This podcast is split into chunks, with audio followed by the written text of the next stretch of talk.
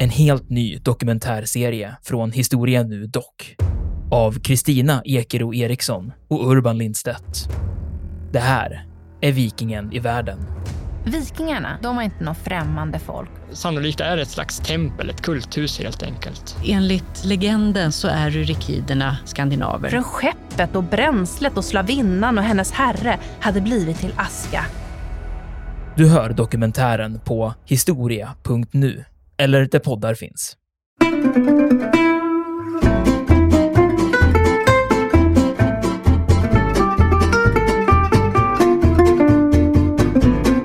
Så han valde helt sonika ut då meddelandena från en specifik dag, den 25 maj 1940, proppade ner samtliga teleprinterremsor i en resväska och låste in sig då i en villa kallad Fiskarudden, som också var belägen ganska långt ute då på, på Lidingö. Och han jobbade nonstop i ungefär två veckors tid med att försöka hitta då någon form av, av mönster i den här, äh, vad ska man säga, då, bokstavsgröten.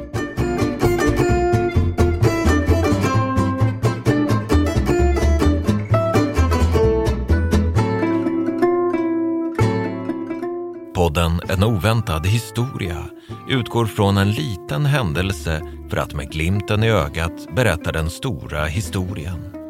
Programledare är historikerna Olle Larsson och Andreas Marklund.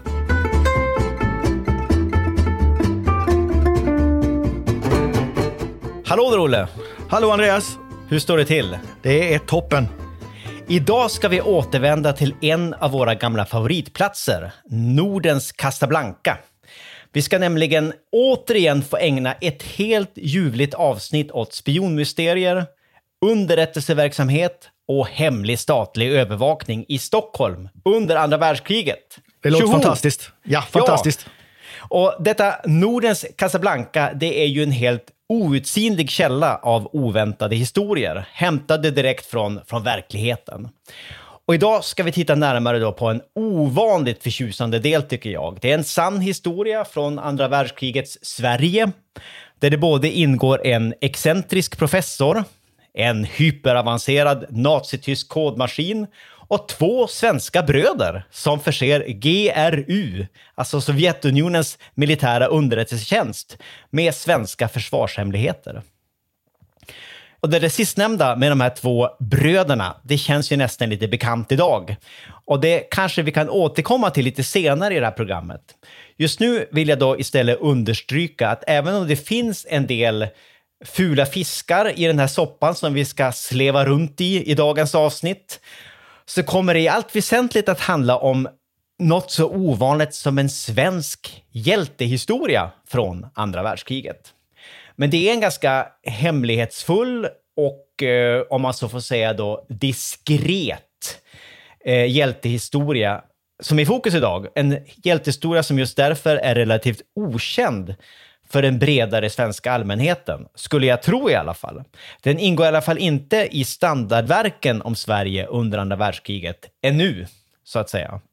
Men Olle, du har ju tidigare agerat ställföreträdare för allmänheten, så bara då en, en allmän fråga, om jag får uttrycka mig så. Vem tror du då att kvinnan eller mannen på gatan eller någon av dina elever kanske då skulle nämna om man bad dem peka ut en svensk hjälte från andra världskriget? I egenskap av då ställföreträdande allmänhet så skulle Ja. jag nog säga att jag tror många skulle säga Per Albin. Jag tror många Ah. förknippar honom med att han är den, han är inte bara liksom statsminister, utan han var den som höll Sverige utanför kriget. Det tror jag är många, mångas bild av Per Albin. Men jag tänker också på eh, Raoul Wallenberg och eh, han som räddar judar i Budapest och sen som försvinner och dör i sovjetisk fångenskap. Eh, jag tänker kanske på eh, Folke Bernadotte, de vita brussarna, som räddar kvinnor, framförallt då från koncentrationsläger i Tyskland. Jag kan tänka mig att en del nämner Torgny Segerstedt, eh, chefredaktören på Göteborgs Handels och Sjöfartstidning, som sa sanningar om vad som pågick i det ockuperade Norge till exempel. Jag tänker på Karl Gerhard, som kritiserade också den tyska politiken i Norge, inte minst med den här kupletten om den ökända hästen från Troja. Det är den ökända hästen ifrån Troja. Just precis. Fantastiskt. Gåshud. Femte, femte kolonn och allt detta. Ja, Men så verkligen. tänker jag också på en del kvinnor. Jag tänker på eh, Jane Horney, Ja, just det. Ja. som man kanske skulle kunna nämna, som också avrättas då förmodligen orättfärdigt av den, av motstånds, den danska motståndsrörelsen. Men jag tänker också på de här kvinnorna som jobbade i svensk underrättelsetjänst, de här som sammanfattningsvis kallas för sekreterarklubben, och också de som hjälpte till med, med kodknäckning. Just det, ja exakt. Och det är ju den världen vi kommer att röra oss i idag faktiskt, Olle. Ja men spännande, det var ju ett riktigt hjältepanteon du serverade där. Jag gillar allihopa. Dagens hjälte är dock av ett lite annat slag. Och själva hjälteinsatsen är väl av en typ då som kanske möjligen har varit lite för diffus och kanske lite för, då, för teknisk helt enkelt. För att appellera till andra än eh, tekniska experter och riktigt, riktigt svårartade andra världskrigsnördar. Dessutom har mycket av det som vi ska prata om idag faktiskt då ganska länge varit hemligstämplat. Så det har inte riktigt funnits, vad ska man säga då, narrativt råmaterial för att skapa en bredare hjältehistoria omkring det här. Men det, men det håller på att ändras. Och jag är rätt övertygad då om att hjälten i dagens avsnitt passar perfekt in i tidsandan av idag. Och det kommer jag försöka komma ihåg att säga något klokt om i, i slutet av det här programmet. Om, om, om, om, ja, om det fortfarande finns luft kvar i, i programmet, så att säga.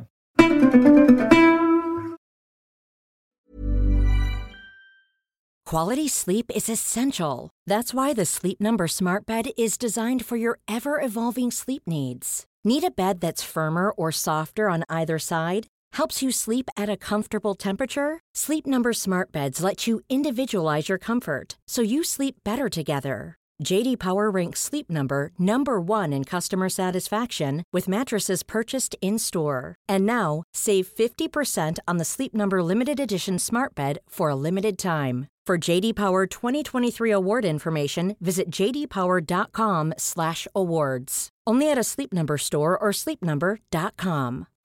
Life is full of what ifs. Some awesome, like what if AI could fold your laundry? And some, well, less awesome, like what if you have unexpected medical costs?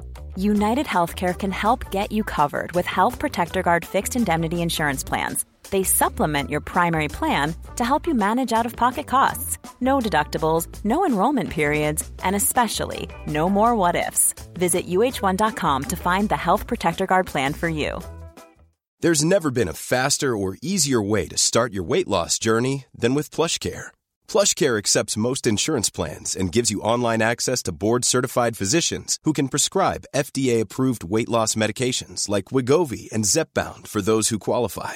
Take charge of your health and speak with a board-certified physician about a weight loss plan that's right for you. Get started today at plushcare.com slash weight loss. That's plushcare.com slash weight loss. plushcare.com slash weight loss.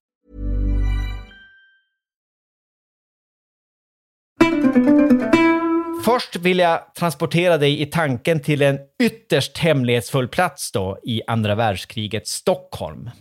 Olle, vi befinner oss på Karlaplan 4 och det är någon gång i slutet av maj månad 1940.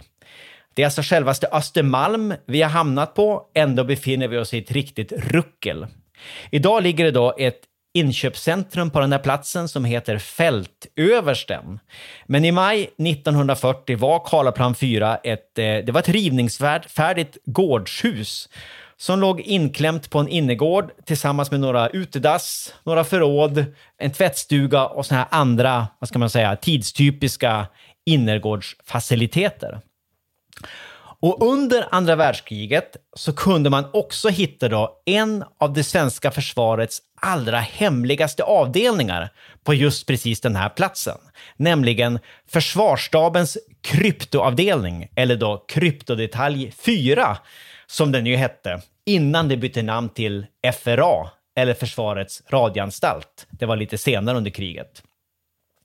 Så det jobbar i alla fall en massa människor i den här rivningskåken. Flera hundra faktiskt. Och de allra flesta av dem är unga kvinnor. De tillhör till viss del den här sekreterarklubben som du nämnde tidigare, Olle. Och när vi tittar in här i maj 1940 så är Inomhustemperaturen då förmodligen acceptabel, men det kan bli iskallt på Karlaplan 4 under vintern och rökigt som bara den, för kakelugnarna håller inte tätt. Så det är alltså fullt med folk i de här milt sagt spartanska lokalerna. En del sitter och skriver för hand eller på skrivmaskin. Andra skyndar fram mellan rummen med telegram och andra brådskande skrivelser. En del bär uniform, men de flesta tycks vara civilklädda. Och det är som människor, det är papper, det är telefoner och det är märkliga rasslande blinkande apparater exakt överallt. Till och med i pentryt så sitter ett gäng unga kvinnor i, i, i yllekoftor och renskriver resuméer av några uppsnappade telegram. Och i en gammal pigkammare då på fjärde våningen så finner man det innersta heliga. På dörren står det visst Jakobsson, men där inne har försvarsstaben då med hjälp av Kungliga Telegrafverket installerat ett gäng toppmoderna teleprintermottagare som oavbrutet spottar ut pappersremsor. Och det som bokstavligt talat då väller ut ur de här äh, ganska enorma maskinerna, det är teleprintertelegram i närmast oändliga mängder. Jag tror rekordet var 10 kilometer telegramremsor på ett dygn. Men det är alltså under en lite senare fas av, av, av kriget. Och i parentes bör vi då kanske precisera att en teleprinter var ett slags eh, automatisk telegraf som ansågs vara väldigt, väldigt avancerad och high-tech på den här tiden. Man kallade, kallade den också för, för, för fjärrskrivare. Och vi har pratat om den här teknologin tidigare i avsnittet om eh, heta linjen mellan Moskva och Washington under kalla kriget. Men tillbaka till andra världskriget. I anslutning då till det här, det här hemliga maskinrummet på Karlaplan 4 så ser vi också då ett antal kvinnliga kontorsbiträden. De flesta är då relativt unga, i 20-årsåldern. Och deras jobb det är att klistra upp pappersremsor med teleprintertext på stora pappersark där de skriver dagens datum. Det är tydligt att de här pappersarken används för att skapa överblick över den här teleprinterkommunikationen. Men när vi tittar närmare på, på, på själva remsorna så ser vi att innehållet är fullständigt obegripligt. Det är ett kaos av tillfälliga siffror och bokstäver. Det står V, 9AP, 76Q, ZZ8 och så vidare och så vidare. Så vi inser naturligtvis ganska snabbt att innehållet i de här äh, telegrammen är krypterat. Inte nog med det. Det rör sig uppenbarligen om en väldigt stark och avancerad kod, för högarna med uppklistrad teleprintertext bara växer och växer på Karlaplan 4 utan att komma till praktisk användning. Så Olle, det här är faktiskt ett väldigt fascinerande kapitel ur Sveriges moderna historia. Men för att fatta liksom epiken och det livsavgörande dramat i allt det här så tror jag att det är vissa detaljer som måste klargöras. Varifrån stammade de här teleprintertelegrammen? Varför var de så viktiga att Försvarsmakten lät installera de här maskinerna på Östermalm? Och varför var innehållet så himskans svårt att läsa? Kan du hjälpa mig lite grann med det, Olle? Ja, det tror jag. Låt oss först börja med att konstatera att det här är alltså tyska teleprinter-telegram som, eh, som man har kommit över. Och bakgrunden är ju helt enkelt att eh, Tyskland ockuperar Norge och Danmark, men Norge då den 9 april 1940.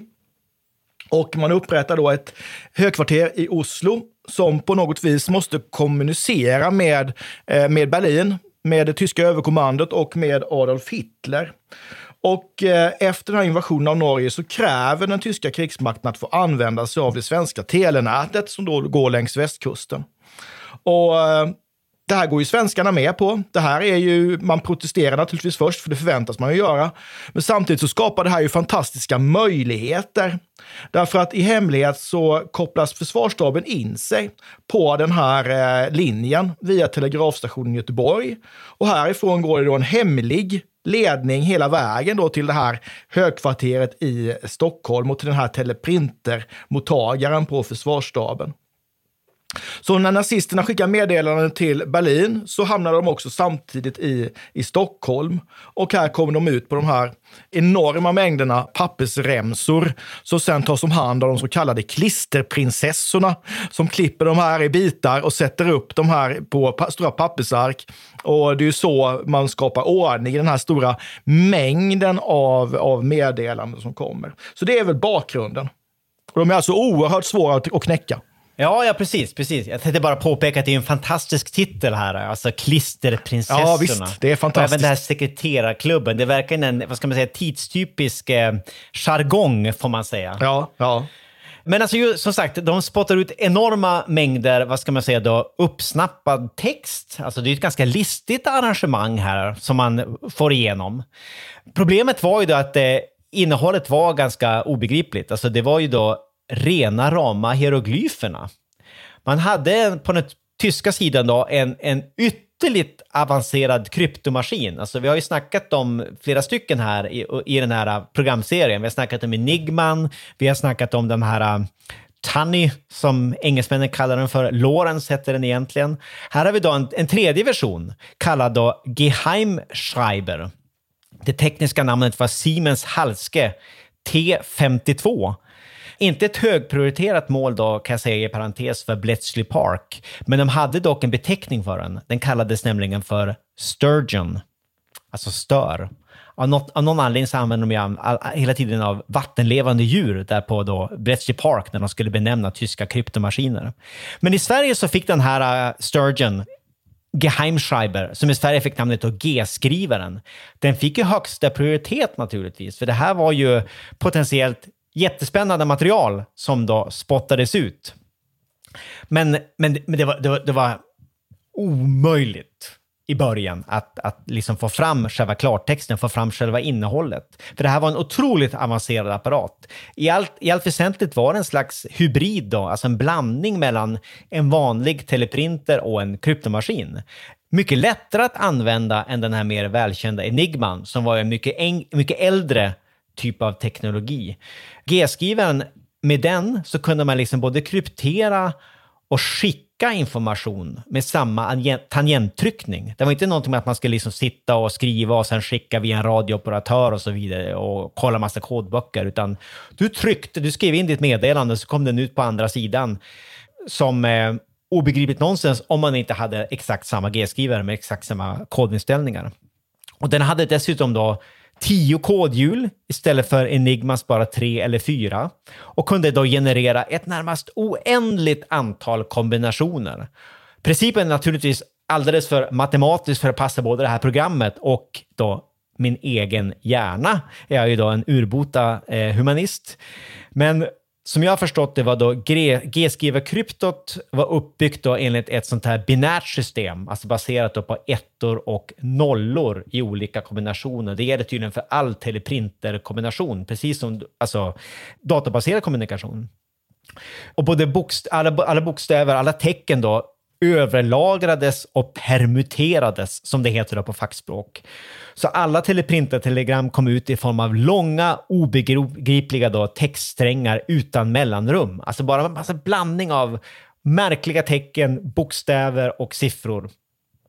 Som var, som sagt, det var bara en, en tjock massa av tecken. Om man då inte hade en annan G-skrivare med exakt samma kodljudsinställningar som på avsändarens maskin.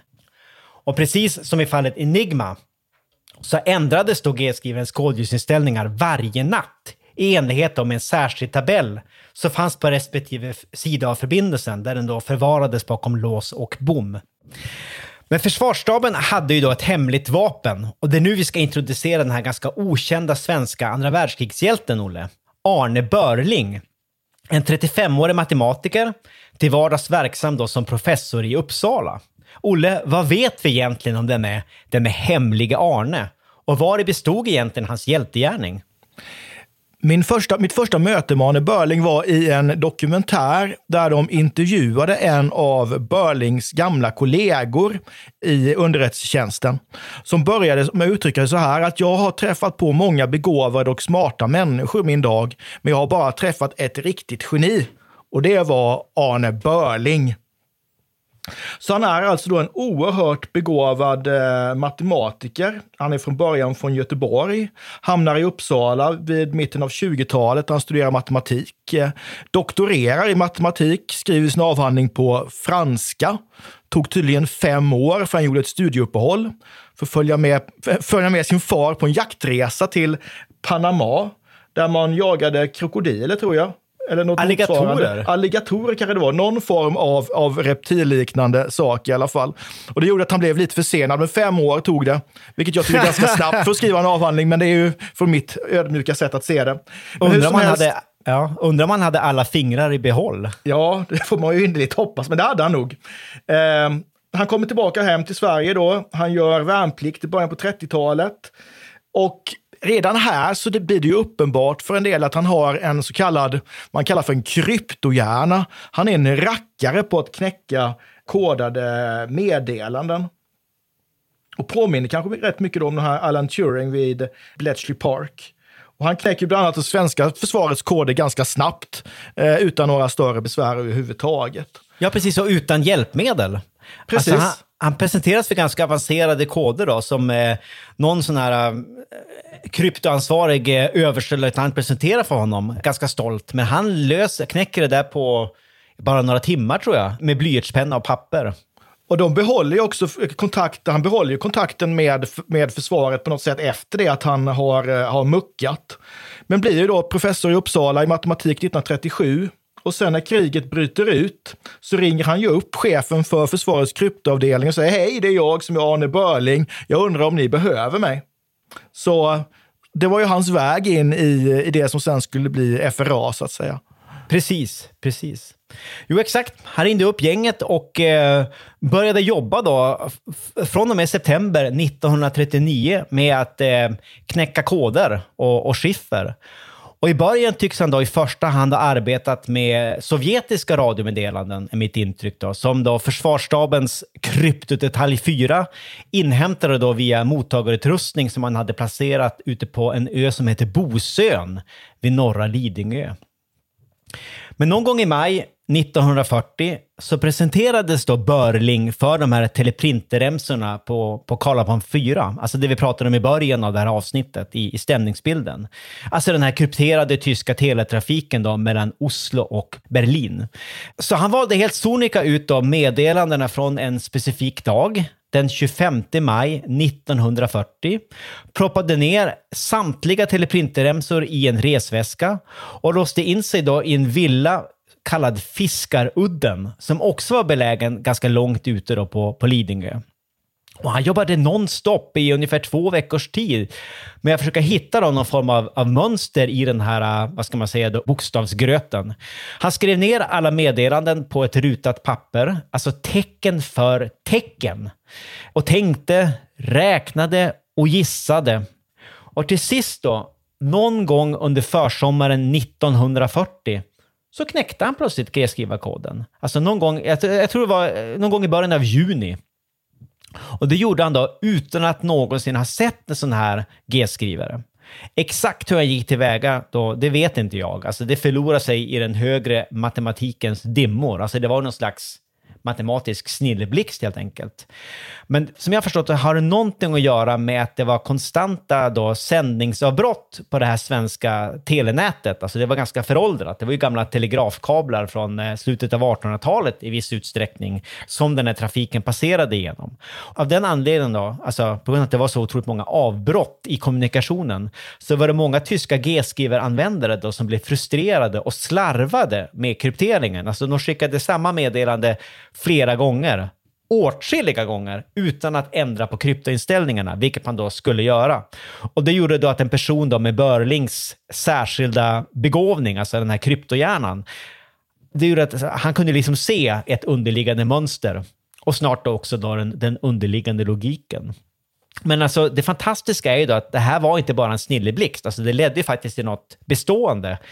Börling lyckades då designa en apparat som med utgångspunkt i den här snilleblixten på Lidingö kunde användas till att snabba upp jakten efter de dagliga kodljusinställningarna. Alltså det var alltså lite grann som de här äh, maskinerna som man bygger på Bletchley Park, av vilka då Colossus, världens första dator, är den mest extrema. Men man byggde många olika typer av dekrypteringsmaskiner. Alan Turing gjorde det till exempel då, eh, där i England. Och i Sverige har vi då egna motsvarigheter då, konstruerade av Arne Börling, som skissar fram det teoretiska och han tar hjälp av ingenjör då från eh, LM Ericsson för att förverkliga det här.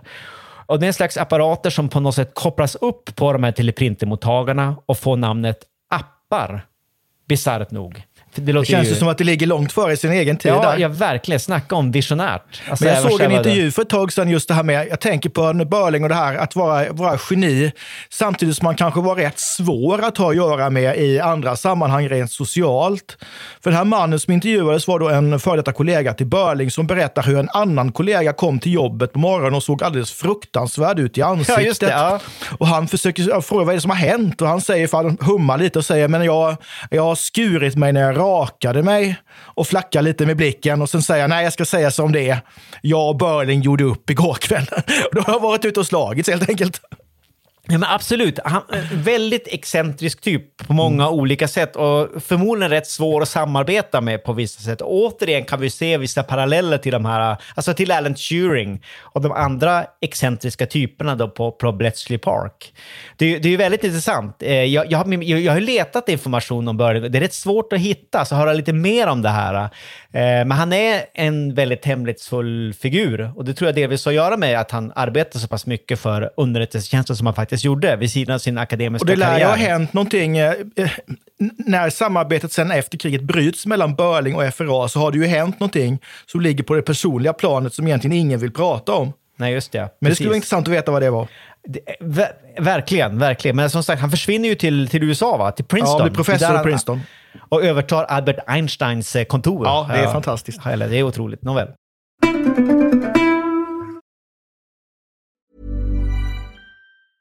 Selling a little or a lot? Shopify helps you do your thing however you cha-ching. Shopify is the global commerce platform that helps you sell at every stage of your business. From the launch your online shop stage to the first real life store stage, all the way to the did we just hit a million orders stage.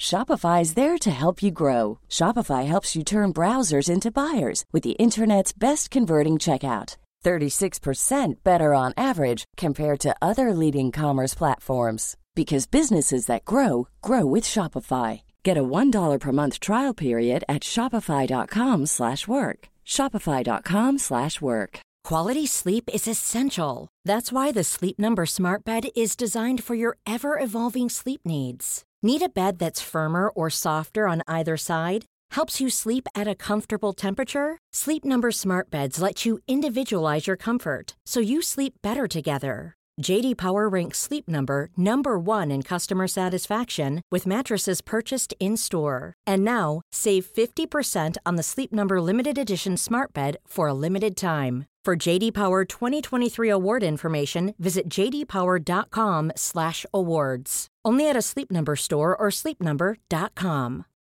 Since 2013, Bombas has donated over 100 million socks, underwear, and t-shirts to those facing homelessness. If we counted those on air, this ad would last over 1,157 days. But if we counted the time it takes to make a donation possible, it would take just a few clicks. Because every time you make a purchase, Bombas donates an item to someone who needs it. Go to bombas.com slash ACAST and use code ACAST for 20% off your first purchase. That's bombas.com slash ACAST, code ACAST.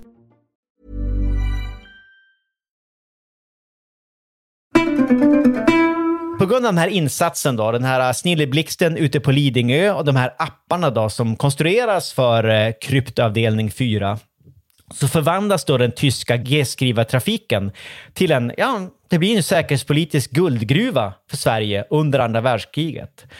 Bland annat fick då den svenska försvarsmakten och regeringen vetskap om de här tyska anfallsplanerna mot äh, Sovjetunionen, alltså det här Operation Barbarossa. Man fick ju vetskap om det genom G-skrivartrafiken många, många veckor då i förväg. Så man behövde inte gå i panik i Sverige över de här stora tyska då truppsammandragningarna i Östersjön där i juni 1941. Alltså Operation Barbarossa sattes ju igång den 22 juni 1941. Jag har för mig att det meddelande alltså som man knäckte handlade om att eh, de tyska soldaterna i Wehrmacht skulle få extra tilldelning av tobak när man gått in i Sovjetunionen. Någonting så, så, så löd meddelandet.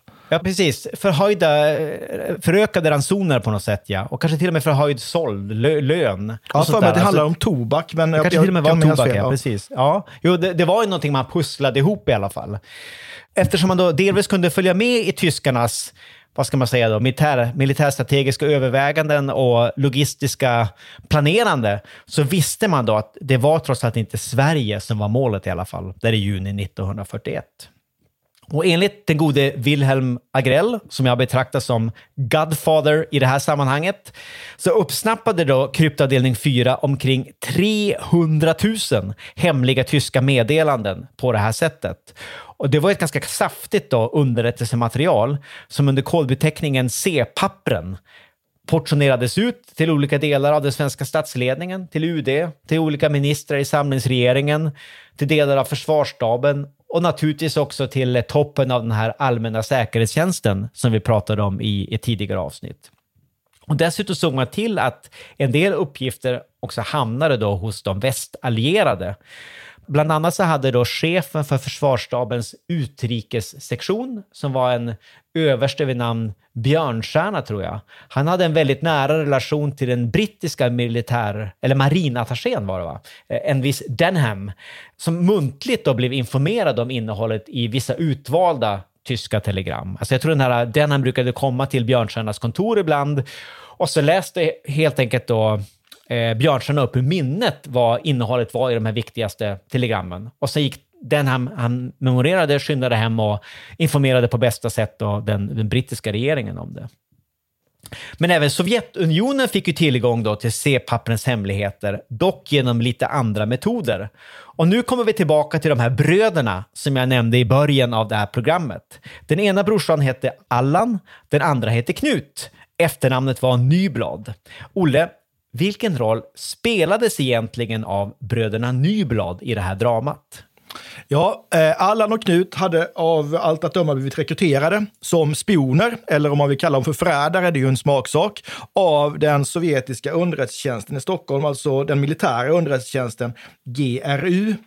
Och den här Allan var anställd som ordonnans vid försvarets kryptoavdelning och hade alltså tillgång till det här krypterade materialet. Och han cyklade ju flera gånger då med det här materialet från kolknäckarna till de här myndigheterna i Stockholm som behövde det, till exempel Utrikesdepartementet. Men på vägen till UD till exempel så gjorde han ett litet stopp på vägen. Och det här stoppet skedde vid en lägenhet som han då eh, hyrde tillsammans med sin bror.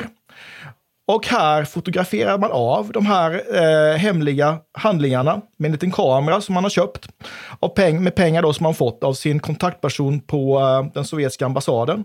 Och sen så cyklar Allan vidare med fotorullarna ut till Djurgården, till en liten speciell skogsdunge i närheten av Kaknäs skjutbana. Och här fanns det då en så kallad död brevlåda, alltså en sten eller buske, där så att säga material, mytte, plats med pengar. Så fotorullen lämnades och brodern, eller bröderna fick pengar för detta. Ungefär så. Ett otroligt listigt och lömskt arrangemang får man säga. Ja.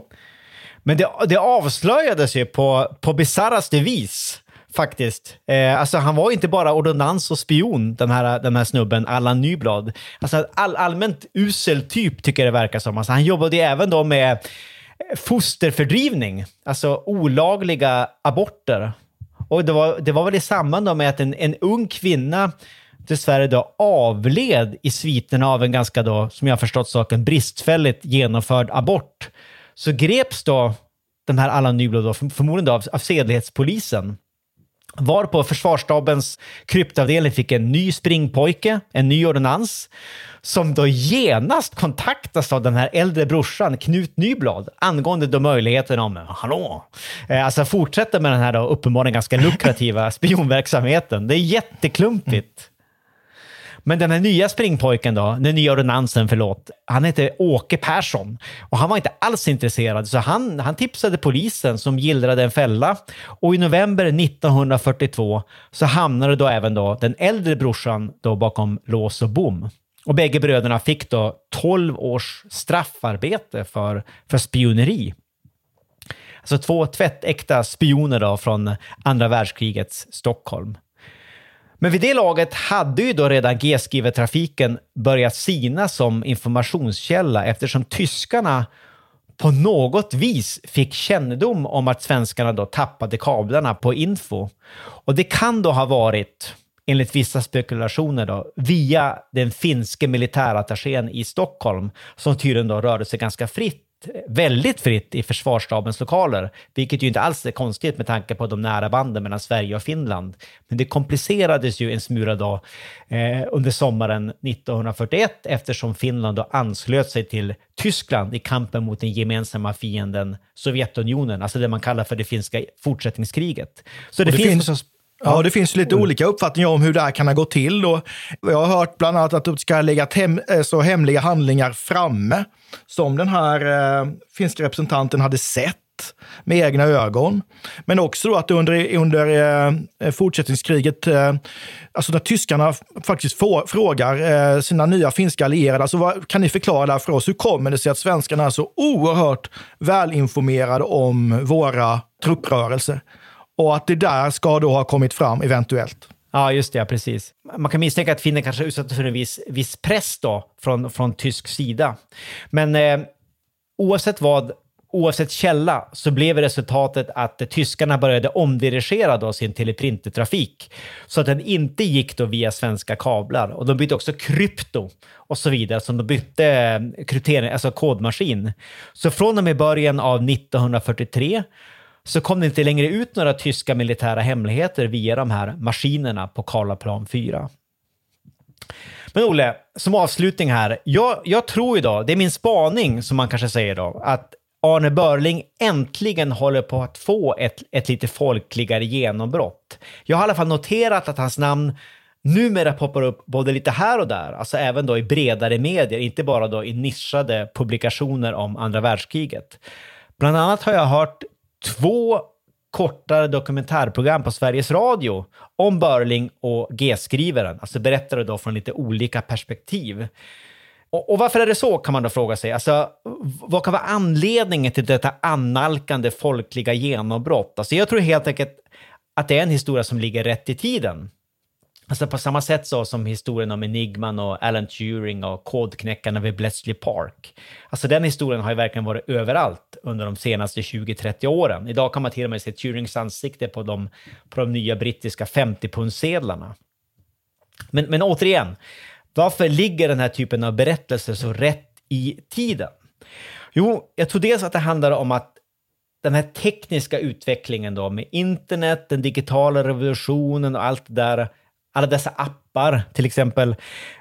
Det, det, har gjort att det blivit mycket lättare för folk idag att relatera till allt det som pågick på Bletchley Park och Karlaplan 4 än det var för bara 30 år sedan. Det tekniska omkring det här är inte lika avlägset och mystifikt idag som det är bara för mina föräldrars generation. Men det handlar också om att den här typen av historier har blivit möjliga att belysa och berätta om idag på grund av att ja, gamla arkivhandlingar har avklassificerats och gjorts tillgängliga då för, för den bredare allmänheten, alltså inklusive då historiker och filmnissar och journalister och så vidare. Så vad tror du, Olle?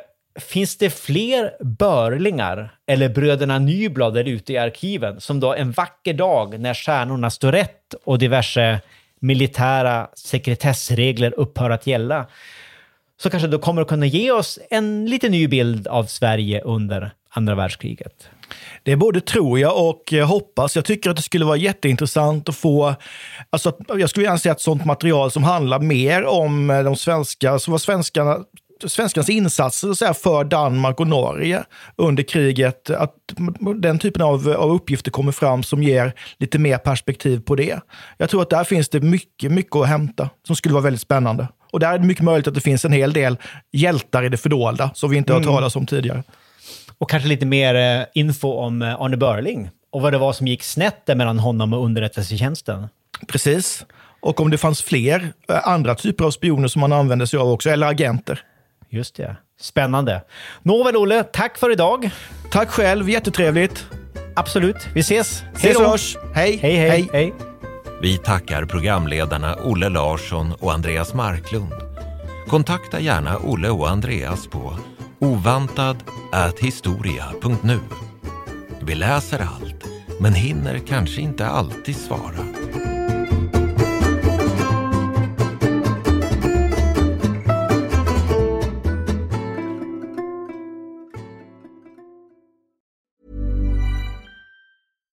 Deserves the best, and there's no better place to shop for Mother's Day than Whole Foods Market. They're your destination for unbeatable savings, from premium gifts to show-stopping flowers and irresistible desserts. Start by saving 33% with Prime on all body care and candles. Then get a 15-stem bunch of tulips for just $9.99 each with Prime. Round out Mom's menu with festive rosé, irresistible berry chantilly cake, and more special treats. Come celebrate Mother's Day at Whole Foods Market. Hey, it's Danny Pellegrino from Everything Iconic. Ready to upgrade your style game without blowing your budget? Check out Quince. They've got all the good stuff shirts and polos, activewear, and fine leather goods, all at 50 to 80% less than other high end brands. And the best part? They're all about safe, ethical, and responsible manufacturing. Get that luxury vibe without the luxury price tag. Hit up quince.com slash upgrade for free shipping and 365 day returns on your next order. That's quince.com slash upgrade. Mom deserves the best, and there's no better place to shop for Mother's Day than Whole Foods Market. They're your destination for unbeatable savings, from premium gifts to show-stopping flowers and irresistible desserts. Start by saving 33% with Prime on all body care and candles. Then get a 15-stem bunch of tulips for just $9.99 each with Prime. Round out Mom's menu with festive rosé, irresistible berry chantilly cake, and more special treats. Come celebrate Mother's Day at Whole Foods Market. Iran har under 1900-talet genomgått tre omvälvande revolutioner som orienterat landet antingen mot västerlandets modell eller mot en auktoritär styrelseform. Idag pågår en social revolution i landet som vänder sig mot det islamistiska styret och vars anhängare har Europa och väst som förebilder. I en viktig bok ger idéhistorikern Mohammad Faslashemi en djupare förståelse för dagens dramatiska händelseutveckling. Iran mellan tre revolutioner är utgiven av förlaget Historiska Media.